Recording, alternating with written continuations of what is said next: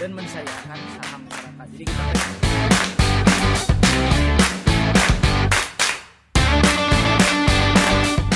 beda sama Jakarta kalau orang Bandung tuh uh, listrik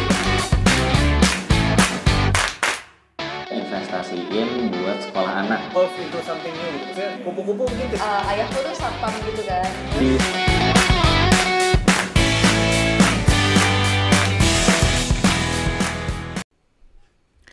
Kembali lagi bersama saya Panji di podcast Ngobrol Bisnis.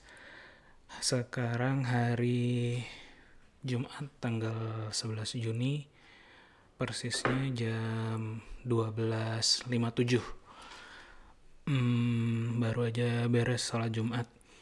Dan terus ini sih. Kayaknya karena saya udah nggak terlalu banyak mengikuti kasus COVID, jadi indikatornya indikator saya tahu bahwa kelihatannya lagi naik lagi nih dari sholat Jumat gitu. Karena tadi di tempat saya sholat Jumat tuh biasanya pas lagi bubar ya dibiarin bubar-bubar aja gitu kan. Nah, bebas. Nah tadi tadi nih setelah setelah Jumatan eh, si khotibnya atau pokoknya pengurus masjidnya lah ngomong lagi langsung ngomong gitu. Habis salam langsung ngomong oh kalau mau bubar yang di luar dulu gitu. Yang di samping kanan kiri nanti tunggu. Jadi berdasarkan ins- instruksi dia gitu. Jadinya oh terus eh, saya jadi mikir kayaknya berarti covid nih lagi tinggi lagi nih. Karena sampai diatur lagi oleh oleh nah harusnya itu sebenarnya dari awal sih. Karena kan kemarin-kemarin kalau ya tahun lalu sih pas awal-awal memang gak ada sholat jumat ya. Cuman setelah mulai ada kelonggaran dan boleh sholat jumat atau bukan boleh sholat jumat ya boleh sholat jumat diselenggarakan lagi di masjid-masjid uh, terdekat gitu uh, itu nggak diatur tuh. Nah sekarang sekarang udah mulai diatur lagi. Jadi uh, ya mudah-mudahan tetap apa ya ya kita memang udah agak uh, longgar gitu. Tapi ya kasus juga tetap masih banyak kelihatannya. Bahkan kemarin ada juga teman saya yang kena. Dua bulan yang lalu bahkan ada saudara bukan saudara sih uh, uh, kenalan lah ya kenalan yang meninggal gitu. Walaupun ya lagi-lagi ada bawaan ada penyakit bawaan kayak gitu. Tapi ya tetap aja tetap tetap tetap tinggi. Uh, dan juga kan belum semuanya vaksin. Jadinya memang harus tetap menjaga diri lah patuhi protokol jangan terlalu heboh. Jangan terlalu apa namanya jangan terlalu santai lah. Karena banyak orang yang udah mulai santai kayak gitu Nah terus juga jadi lucu sih karena karena tadi saya kebetulan agak telat datang sholat jumatnya gitu jadi memang di luar gitu eh, bagian-bagian luar gitu. Dan ini memang udah udah beberapa kali juga ya saya saya saksikan gitu bahwa eh, posisi orang sholat jumat tuh makin aneh-aneh gitu. Kalau tadi saya tuh di luar oke lah ada tendanya gitu cuman di depan-depan saya tuh ada yang di pelataran masjid dan sholatnya tuh di tangga gitu. Nah itu gimana tuh? Itu lucu banget kebayangnya eh, apa namanya saya ngebayangin. Karena saya nggak ngeliat juga kan karena kan saya eh, sholat ya pas lagi sholat sholat aja gitu. Cuman pas eh, saya kebayangin dia oke lah pas lagi berdiri bisa gitu. Cuman pas su- sujud nanti gimana tuh? Kan di Instagram juga sempat lihat tuh ada yang anak kecil sholat di atas apa nama motor lah apa segala macam. Itu kan posisi berdirinya. Nah yang sebenarnya harusnya di capture itu adalah posisi pas lagi sujudnya itu gimana itu di tangga juga oke lah dia bisa begitu. Ini tangganya jadi ada tangga eh, ya ini saya jelasin di podcast juga susah dibayangkan ya. Pokoknya tangga tuh kan ada yang bagian pinggirnya yang bisa yang agak memang agak agak bisa buat tempat sujud lah kayak gitu. Nah itu di situ. Tapi itu juga cuman berapa senti ya? Nggak nyampe 30 senti kali buat tempat tangannya gimana? Apa miring apa gimana? Itu kan aneh banget gitu.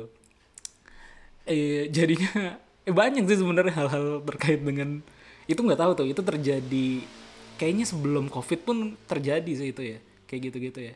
Ditambah lagi dengan covid karena kan kalau covid jadinya ruang ruang kapasitas eh, utamanya ruang utama masjidnya itu kan jadi nggak bisa maksimal ya. Jadi orang banyak yang keluar atau ya dipaksa di luar atau itu tadi tempat-tempatnya jadi jadi terbatas gitu. Eh, mungkin salah satu efek covid juga tuh. Jadi ada orang yang bisa sholat di tangga atau sholat di posisi yang eh, ada aneh lah. Saya penasaran sebenarnya. Tadi tuh pengen aduh gue pengen sujud di lama-lama apa dari berdiri ke sujud mau dilama-lamain pengen lihat dulu. Tapi ya nggak bisa gitu. Jadi akhirnya nggak nggak menyaksikan bagaimana struggle-nya dia miring-miring di tangga untuk sujud gitu. Dan memang banyak ini sih Eh, ini ya eh, satu hal juga tapi nggak nggak kait nggak terkait dengan efek eh, covid dan sholat jumat juga ya. Eh, sholat jumat itu tempat banyak orang untuk beristirahat ya sepertinya ya. Jadi dengerin azan eh dengerin azan dengerin khotib sayup-sayup eh, dengan sound system yang tidak jelas gitu ya. Dengan sound system yang yang kurang kurang apa ya kurang bagus. Nah ini harusnya diperhatiin sih sebenarnya. Saya sebagai lulusan teknik fisika khususnya dari lab laboratorium akustik ya. Harusnya ini bisa memberikan solusi. Harusnya ada sih dosen saya tuh yang suka suka apa namanya apa sering ada project eh, terkait dengan akustik masjid gitu. Cuman ini kan hal yang sederhana harusnya sih masalah penempatan sound system terus juga eh, bagaimana mengatasi agar tidak ada delay di di antar sound system tersebut. Sebenarnya yang bikin bikin suaranya bergema tuh kalau di masjid kan lebih-lebih ter- terkait dengan eh, eh, adanya delay antara speaker satu dan speaker lainnya gitu. Jadinya suaranya tidak clear gitu. Nah anehnya kenapa nggak terlalu banyak yang komplain ya? Saya lihat kalau kalau kalau nggak tahu kalau umat agama lain gimana ya?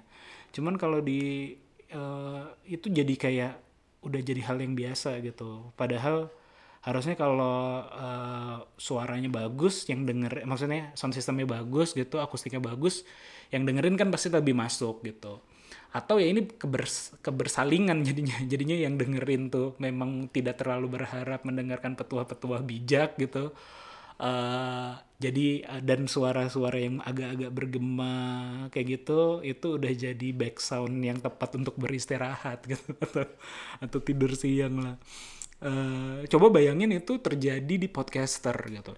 Atau di youtuber. Kalau kita ngelihat kolom komennya youtuber gitu ya yang bagus-bagus apa yang se- apa ya eh, pokoknya yang viewersnya banyak lah atau apa Eh, kalau ada kekurangan dari sound system ke- kekurangan dari apa ya audionya itu udah langsung komen rame banget kan di di di apa uh, audiensnya udah langsung pada komen-komennya "Ah, ininya jelek nih audionya apa segala macam di improve apa segala macam gitu. Nah kenapa itu nggak terjadi di ini ya di masjid-masjid gitu? Jarang gitu. Ya oke lah masjid-masjid gede gitu ya. Cuman kalau masjid-masjid kampung gitu minim banget sih yang jadi perhatian gitu. Ini ini 8 menit hanya untuk eh enggak aja 8 menit ya.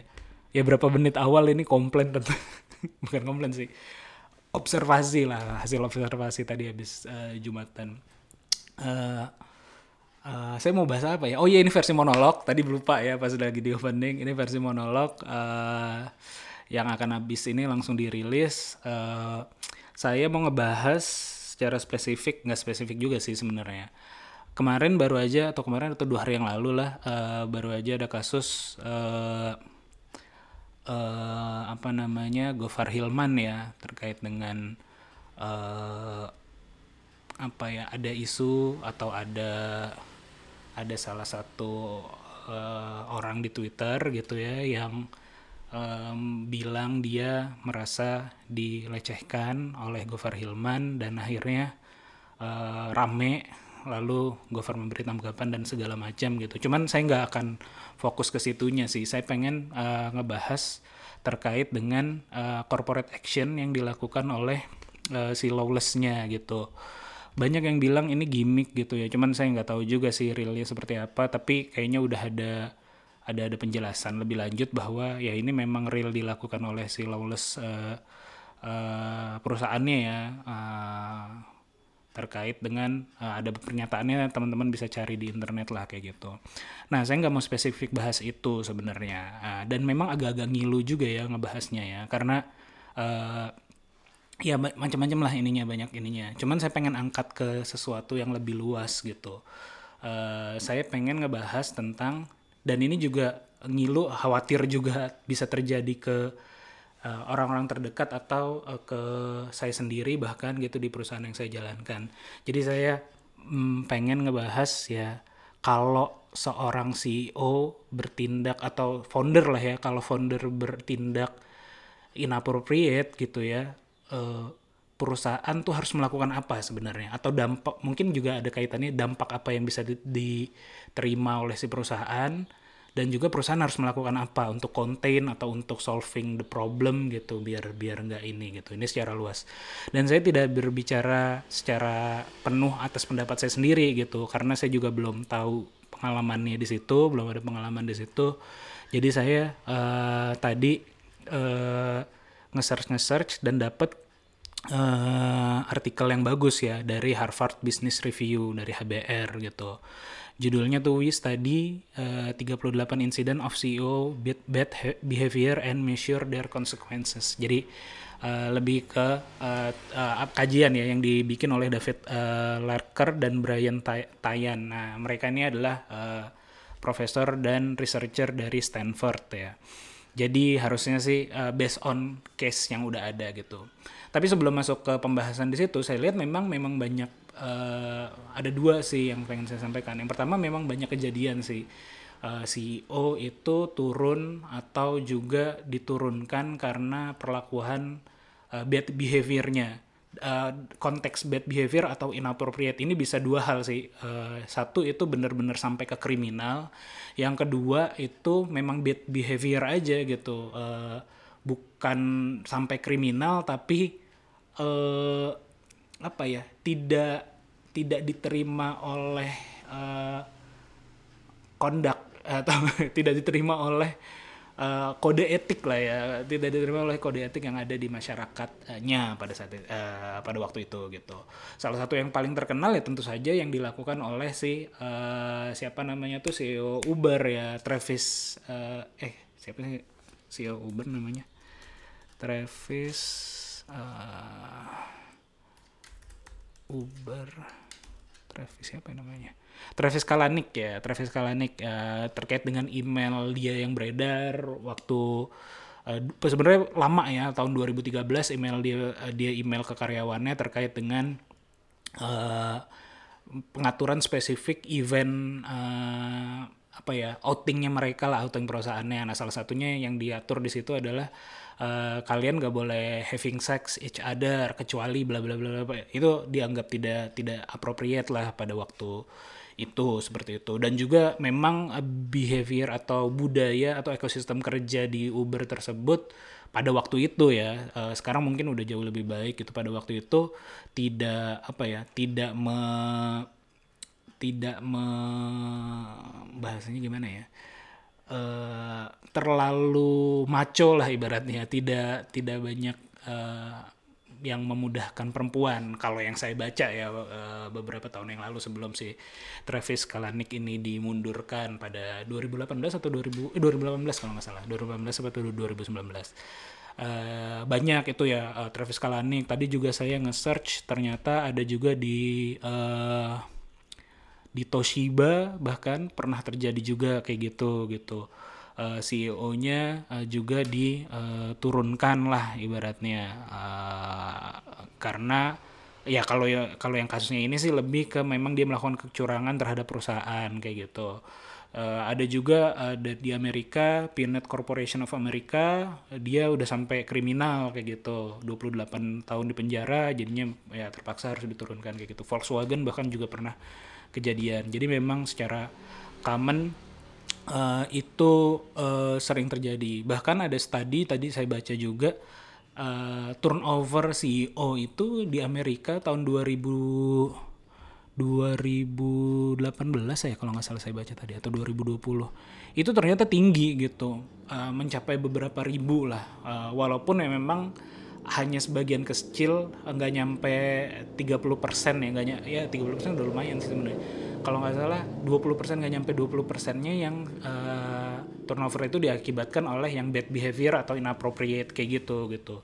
Sisanya sih lebih kayak nggak perform dan segala macam under value apa eh, underperform lah kayak gitu. Jadi jadi lebih banyak. Itu yang pertama. Jadi memang kasus-kasus eh, CEO diturunkan atau mengundurkan diri atau company mengkat itu banyak banget gitu. Yang kedua dalam kasus eh, yang eh, ingin saya, ya tadi ya eh, sebagai pengantarnya tadi kan dari si eh, apa namanya kasus yang di lawless gitu. Tapi secara umum CEO di sini eh, belum tentu jadi CEO tapi eh, dah- artinya adalah belum tentu eh, posisinya eh, posisi orang tersebut adalah CEO sehingga si perusahaan mengkat kayak gitu dalam kasus yang lawless kan sebenarnya CEO-nya lawless eh, saya nggak tahu sih siapa kayak gitu tapi yang saya tahu eh, si apa eh, itu adalah owner juga atau shareholder kayak gitu.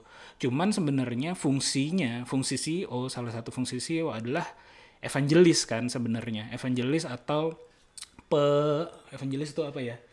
Eh, kalau di penyiarnya lah atau eh, pensiarnya atau pembawa pesan atau ambasador lah ya atau ambasador dari si perusahaannya. Jadi sosok yang dilihat.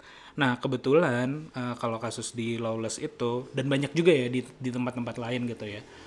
s- eh, founder-foundernya itu bertindak sebagai uh, evangelis juga gitu bisa dilihat kalau ada di konten podcastnya terus juga saya yakin juga banyak terjadi deal-deal uh, yang uh, baik itu karena memang melihat siapa empunya si uh, produknya kayak gitu. Walaupun secara operasional uh, tidak bertindak sebagai CEO jadi uh, maksud saya membahas ini adalah istilah CEO-nya sini lebih ke fungsi dia sebagai representatif perusahaan keluar. Baik itu tadi ya sebagai ambasador atau evangelis. Pokoknya eh, sesuatu yang cukup apa ya eh, bagian dalam tanda kutip bahasa sederhananya dia bagian marketingnya lah kayak gitu. Baik itu secara sosok aja atau memang dia melakukan secara eh, rutin eh, tindakan atau aktivitas-aktivitas eh, marketing kayak gitu. Jadi dua hal itu sebenarnya yang pengen saya iniin di awal ya sebelum kita membahas. Jadi maksud saya terminologi CEO walau bahasanya CEO tapi bisa jadi bukan hanya spesifik CEO kayak gitu. Bisa jadi memang ada komisaris yang memang eh, dia atau komisaris perusahaan yang artinya dia memiliki atau komisaris independen perusahaan yang dia eh, apa menjadi wajah dari perusahaan bertindak misbehavior atau bertindak eh, apa inappropriate sehingga menyebabkan eh, eh, ada dampak terhadap perusahaan dan perusahaan itu harus melakukan apa. Nah itu sebenarnya yang pengen saya bahas. Mudah-mudahan bisa dimengerti ya sampai sampai sini. Nah tadi balik lagi ke artikelnya dari Harvard Business Review ya. Dia eh, mereka nih mempelajari 38 kasus di mana eh, CEO dalam tanda kutip ya yang udah saya revisi ya. eh, eh, bad behavior eh, melakukan bad behavior eh, dan konsekuensinya seperti apa kayak gitu. Dalam kasus-kasus yang mereka bahas ini sebenarnya tidak ada yang sampai ke tindakan kriminal. Jadi lebih eh, sifatnya eh, tindakannya tuh dipertanyakan aja gitu, questionable but not illegal kayak gitu. Eh, salah satu atau beberapa contohnya adalah misalnya melakukan eh, kontroversi kontroversial public statement, eh, ucapannya kontroversial kayak gitu. Terus punya personal relation eh, personal relationship dengan eh, karyawan atau kontraktor atau juga membangun repu- eh, apa ya eh, reputasi yang jelek kayak gitu uh, overbearing, verbal, verbally combative, eh, com- combative kayak gitu. Bahkan kayak kasusnya beberapa bulan yang lalu kan juga ada tuh uh, CEO dari startup uh, apa namanya tuh yang koboi duren sawit itu ya. Uh, apa ya itu namanya?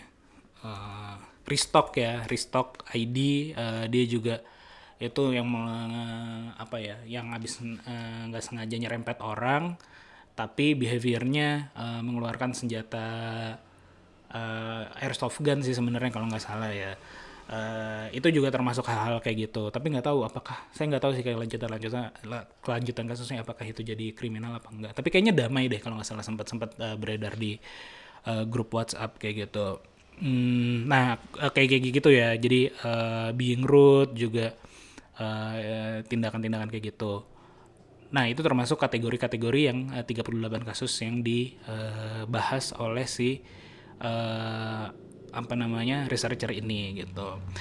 Nah, diklasifikasikan lagi nih eh, spesifiknya dari dari eh, kasus-kasus tersebut 34% eh, CEO itu berbohong pada shareholder terkait dengan personal matter, terkait dengan uh, dia biasa minum-minum misalnya, terus juga uh, ada criminal record yang uh, uh, disclose akhirnya kebuka atau dia memberikan uh, apa ya uh, pemalsuan kredensial yang kayak gitu gitulah itu 34% dari kasus yang ada 21% melakukan sexual affair or rela- rela- relation uh, with uh, kontraktor uh, anak buah juga atau partner kayak gitu-gitu yang berkaitan dengan perusahaan. 16% uh, uh, menggunakan corporate funds untuk sesuatu yang dipertanyakan gitu. Itu juga termasuk 16% lainnya juga uh, objectional personal behavior or using abusive language. Itu mungkin salah satu contoh yang tadi si uh, duren sawit itu kayak gitu ya. Apa uh, salah satu contohnya kalau di Indonesia kayak gitu. Terus 13% CEO make, making public statement offensive uh, ke customer atau social group kayak gitu. Jadi uh, studinya mereka uh, kurang lebih uh, tipe-tipenya yang kayak gitu gitu. Nah, uh, nanti bisa teman-teman simpulin sendiri sih uh, yang kasusnya spesifik yang Dawes ini yang jadi trigger pembahasan ini. Jadi sebenarnya nggak spesifik, saya nggak spesifik ngebahas kasus yang itu, tapi uh, trigger aja untuk untuk ngebahas. Uh, nanti teman-teman bisa metain masuknya ke mana kalau gitu.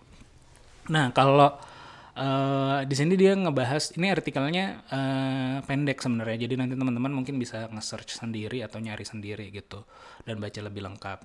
Cuman ada beberapa poin ya yang saya sarikan gitu. Yang pertama adalah impactnya. Nah uh, impact ke perusahaan atau tempat dia bekerjanya kayak gitu jadi ternyata memang tindakan misbehavior atau inappropriate ini walaupun uh, masuknya ada yang in, uh, not illegal ya, eh not legal ya, eh tidak termasuk uh, ilegal kayak gitu ya, tidak termasuk ilegal. Ini ternyata uh, memberi dampak yang cukup uh, kontraproduktif gitu ke perusahaan itu sendiri gitu. Misalnya ternyata dari setiap kejadian rata-rata tuh ada 250 berita terkait dengan hal tersebut kayak gitu. Jadi diberitakan secara tidak baik gitu. Saya nggak tahu tuh yang kasusnya restock kemarin uh, apa uh, preman duren sawit, eh koboi duren sawit atau yang si lolos ini udah seberapa banyak. Tapi ini dari studi itu bisa sampai 250. Dan uh, media coverage itu cukup resisten gitu. Bahkan Uh, beritanya kalau yang di dari studi ini mereka tuh bisa bertahan 4,9 tahun setelah inisial kejadiannya. Jadi misalnya kejadiannya tahun 2010 maka sampai 2015 mungkin masih ada tuh uh, kalau kita nge-search tentang itu akan masih tetap muncul. Makanya uh, ya jadi dampaknya cukup cukup cukup cukup uh, buruk secara uh, apa ya media coverage lah secara reputasi lah secara reputasi dari si perusahaan akan akan terbawa juga gitu.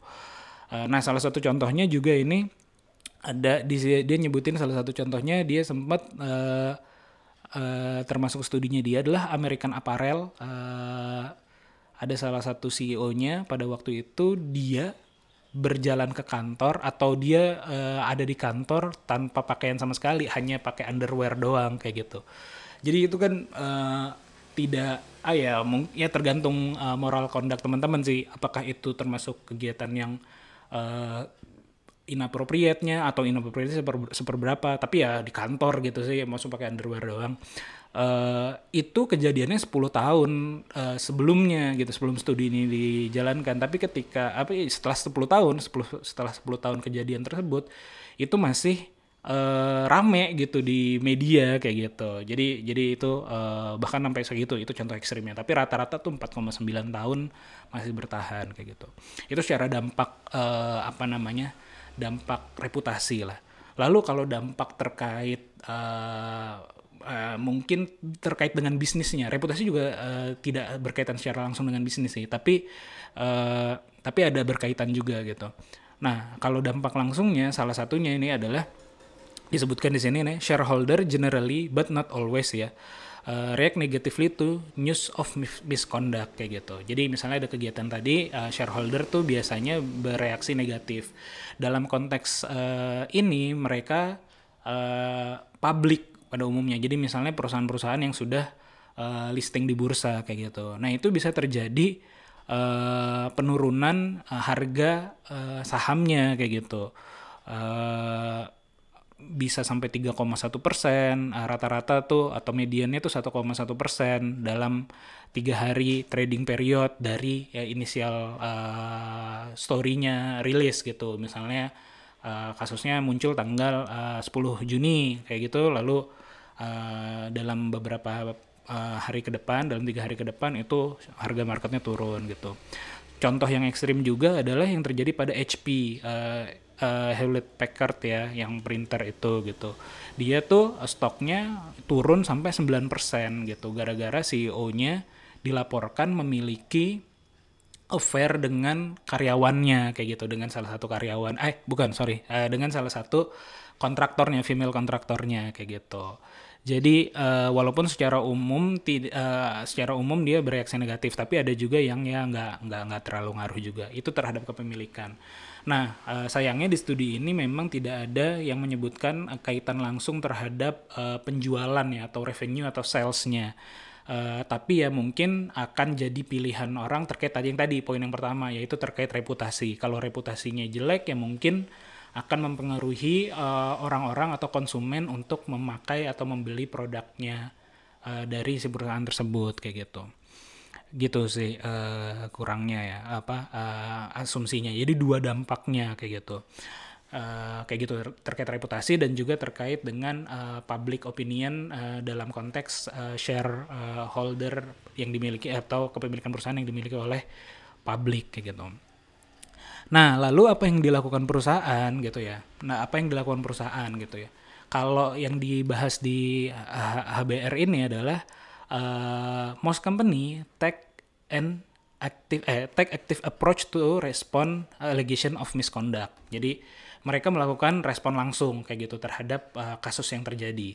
Bahkan 84%, 84% si perusahaan itu eh, merilis eh, bukan merilis eh, apa namanya tuh uh, press release ya mengeluarkan press release uh, terkait dengan masalah tersebut gitu.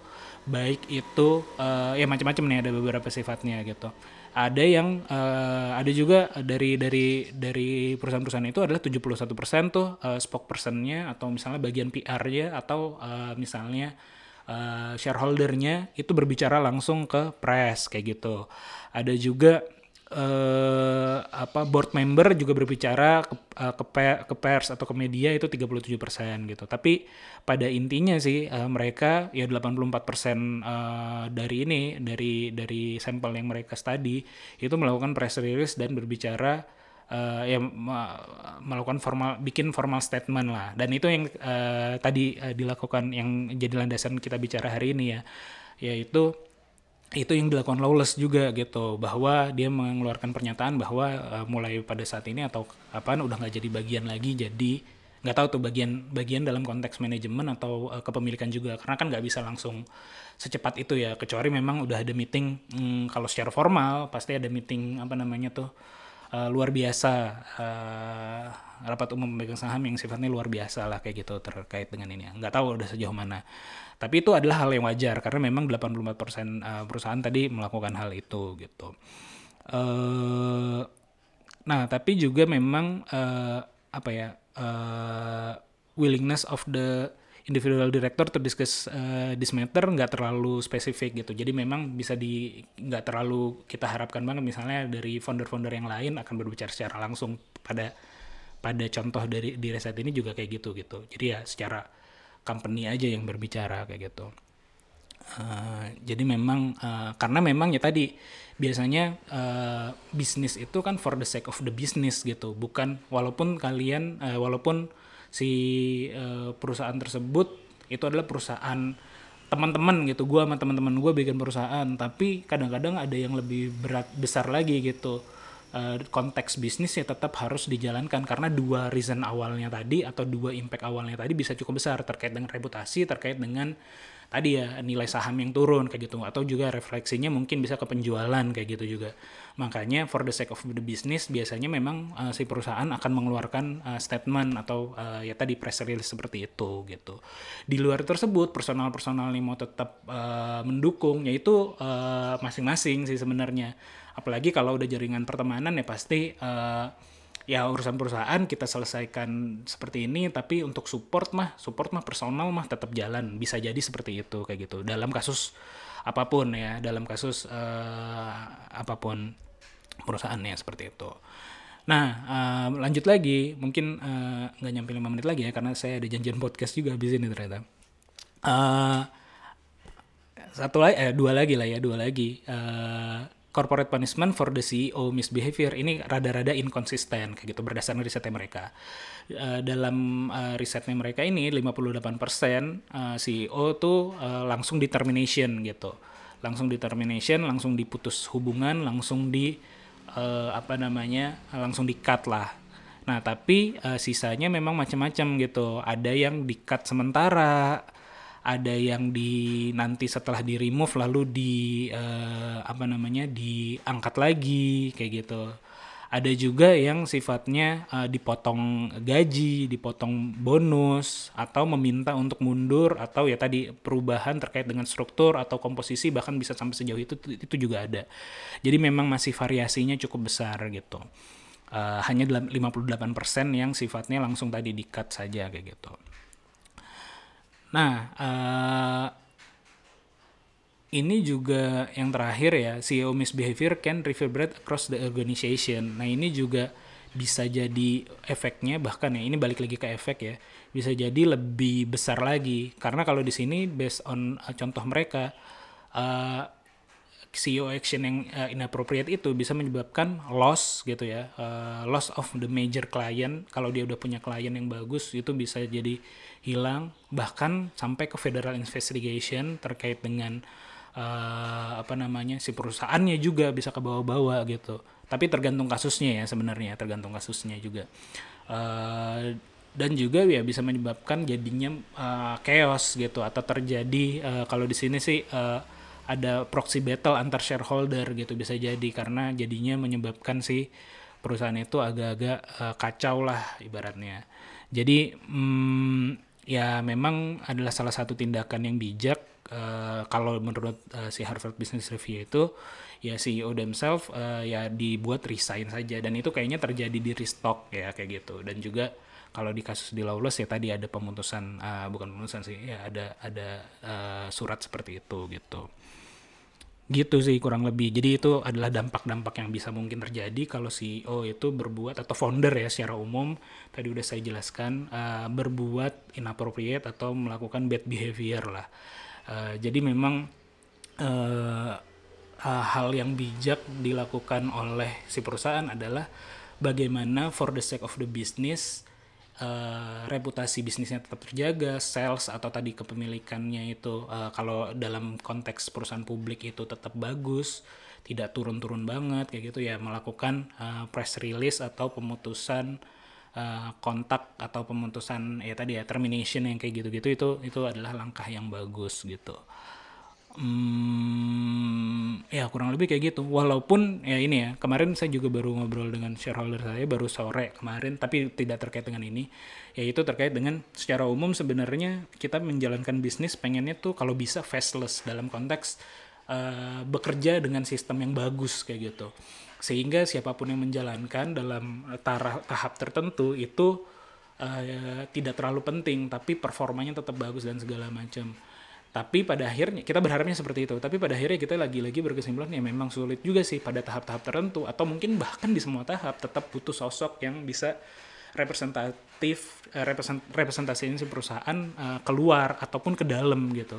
Karena keluar dan ke dalam ini sama pentingnya gitu. Keluar ya jadi wajah si perusahaan keluar. Ke dalam nih uh, sosok yang bisa di, digunakan atau apa ya dilihat atau di look up oleh si karyawan-karyawannya. Dan itu memang pekerjaan yang besar ya. Uh, menjadi wajah ataupun berusaha untuk ngomong sistem kayaknya sih dua-duanya tetap butuh effort kayak gitu. Gitu aja podcast uh, monolog ya ngobrol bisnis versi monolog pada tanggal 11 Juni hari ini. Uh, sampai ketemu di podcast ngobrol bisnis episode berikutnya. Bye